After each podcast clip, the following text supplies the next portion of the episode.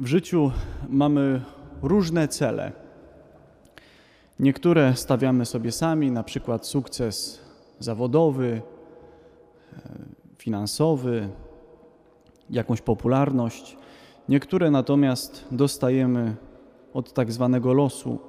Komuś na przykład narodzi się dziecko, więc jego celem od tego momentu staje się, aby to dziecko dobrze wychować, aby wyrosło ono na dobrego człowieka. Nasze cele bywają mniej lub bardziej wzniosłe, bliższe lub bardziej odległe w czasie. Mogą być różne. To, że przyszliśmy tutaj na tę mszę świętą, też było jakimś naszym celem, który udało się osiągnąć. Do zdobywania celi wykorzystujemy i pomnażamy własny potencjał. Również wszystkim nam przy dochodzeniu do celu zdarzają się potknięcia, czy to o własne nogi, czy to o innych ludzi, czy może jeszcze o różne czynniki niezależne od człowieka. Wówczas pojawia się smak porażki, rozczarowanie, może nawet jakieś osłabnięcie w nadziei. Czasami jest to tak trudne doświadczenie, że nie potrafimy sobie z nim poradzić. Dzieje się tak dlatego, że mamy te cele w sobie źle poukładane. Mamy złą hierarchię wartości. I dzięki Bogu, że przyszliśmy na tę Eucharystię niedzielną teraz, bo Pan chce nam na nowo wszystko poukładać, na nowo ustawić we właściwy sposób tę hierarchię, pokazać, co jest najważniejszym celem. W liście świętego Pawła do Efezjan usłyszeliśmy, że jesteśmy wybrani, przeznaczeni dla Boga jako przybrani synowie. Przez chrzest, chrzest święty staliśmy się szlachetnie urodzeni jako dzieci Boże. Nie ma większego zaszczytu. Mamy godność dzieci Bożych, pewne szlachectwo, którego nikt nam już nie może odebrać. Cokolwiek by się w naszym życiu nie wydarzyło, zawsze ta godność nam pozostaje. Nikt już nas jej nie pozbawi. Bez względu na to, co inni o nas będą myśleć albo mówić, bez względu na to, co my o sobie samych będziemy myśleć, jak bardzo będziemy pokiereszowani, mamy do kogo wrócić. Nie jesteśmy przybłędami, ale dziećmi Bożymi. Nie tylko Bóg nas zaadoptował, ale też chce nas, jako szlachetnie urodzonych, wyposażyć w to, co niezwykle cenne, w mądrość. I to nie mądrość intelektualną, do której jesteśmy bardziej albo mniej usposobieni, mamy większe albo mniejsze zdolności. Nie mądrość, którą można wyczytać w książkach, nad którą się dyskutuje, która jest względna, która jest podważalna, ale mądrość Bożą, przyniesioną w Jezusie Chrystusie. Usłyszeliśmy w pierwszym czytaniu: W sławnym narodzie zapuściłam korzenie, w posiadłości Pana, w Jego dziedzictwie, mówi mądrość. Jako wspólnota Kościoła jesteśmy właśnie narodem, jesteśmy posiadłością Pana. Tak jak pierwotnie wybrany naród izraelski miał różnego rodzaju problemy, tak i u nas zdarzają się ludzie, którzy doprowadzają do pewnego wyłomu. Jednak gdy Chrystus mówił do Piotra, Ty jesteś Piotr Opoka, powierzył mu opiekę nad Kościołem, na Piotrze go zbudował, wiedział o tym, że ta rzeczywistość ludzka nie jest kolorowa, nie jest prosta, a mimo wszystko to uczynił i cały czas nieustannie chce ten Kościół uświęcać. Świętość Kościoła jest dla nas z jednej strony zadaniem, ale jest też darem. W Chrystusie przyszła do nas ta mądrość Boża w takich, a nie innych okolicznościach, jakie widzimy w stajence. Bóg jest tak zaangażowany w, nas, zaangażowany w nasze życie, tak bardzo chce nas zbawić, że pozwolił, aby właśnie tak się to dokonało. Nie czekał na lepszy czas, na bardziej godne, dogodne okoliczności, ale w swoim zamyśle wybrał właśnie te. Pozwolił, aby mógł urodzić się w stajence wśród zwierząt na sianie i zostać położony w żłobie, a nie jak dzieci królewskie pięknie wyścielonym łóżeczku.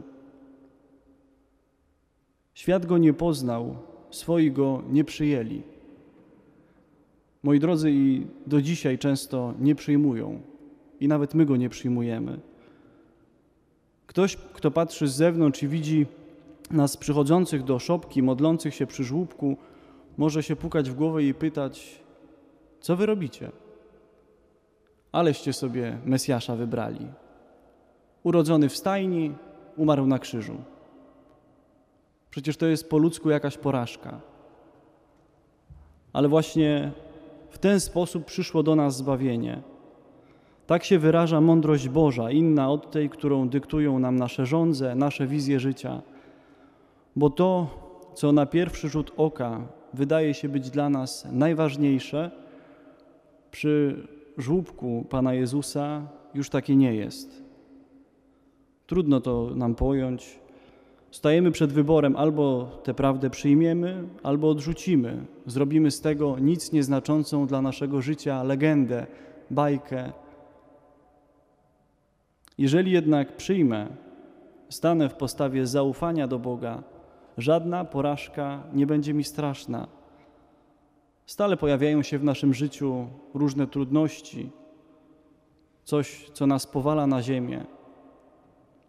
I dla Chrystusa to wszystko jest ważne. Przez to przyszedł przez betlejemską stajenkę, żeby pokazać, że nie gardzi tym wszystkim, co dla nas jest życiem, co dla nas jest chlebem.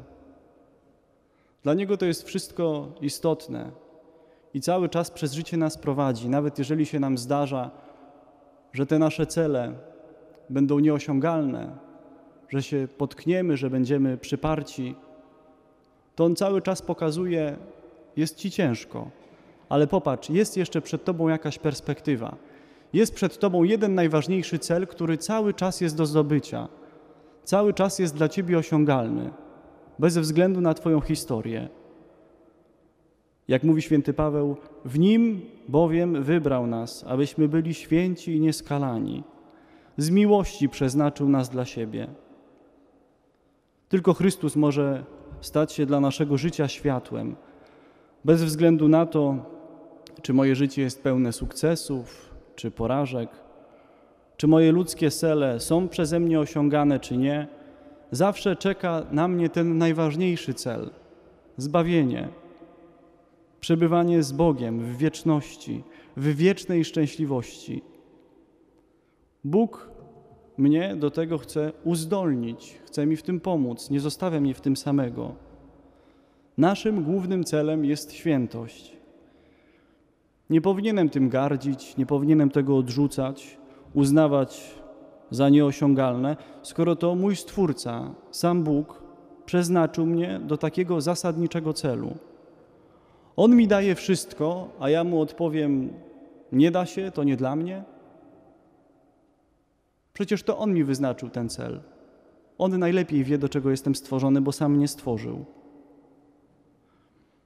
Aby się to udało, prośmy za świętym Pawłem o ducha mądrości i objawienia w głębszym poznaniu Jego samego, o światłe oczy serca dla poznania, czym jest nadzieja, do której wzywa, czym bogactwo chwały Jego dziedzictwa wśród świętych. Żebyśmy potrafili patrzeć oczami serca, które daje nam Pan, a nie tylko tymi naszymi ludzkimi oczami. Dużo pewnie nam do świętości jeszcze brakuje. Pan o tym dobrze wie. Dlatego codziennie chce rodzić się w nas na nowo. Chce codziennie przychodzić do naszego życia, obdarzać swoją mądrością i oświecać wszystkie nasze sukcesy i porażki swoim światłem. Nigdy nie przestaje w nas wierzyć.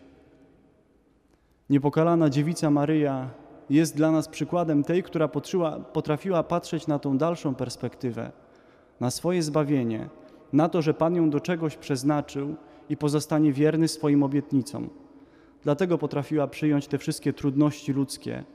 Od samego początku, jak patrzymy na jej życie, zapisane też w Ewangelii, widzimy, że nie było to życie proste, życie zabawne, życie Matki Boga, jakbyśmy sobie my to wyobrazili.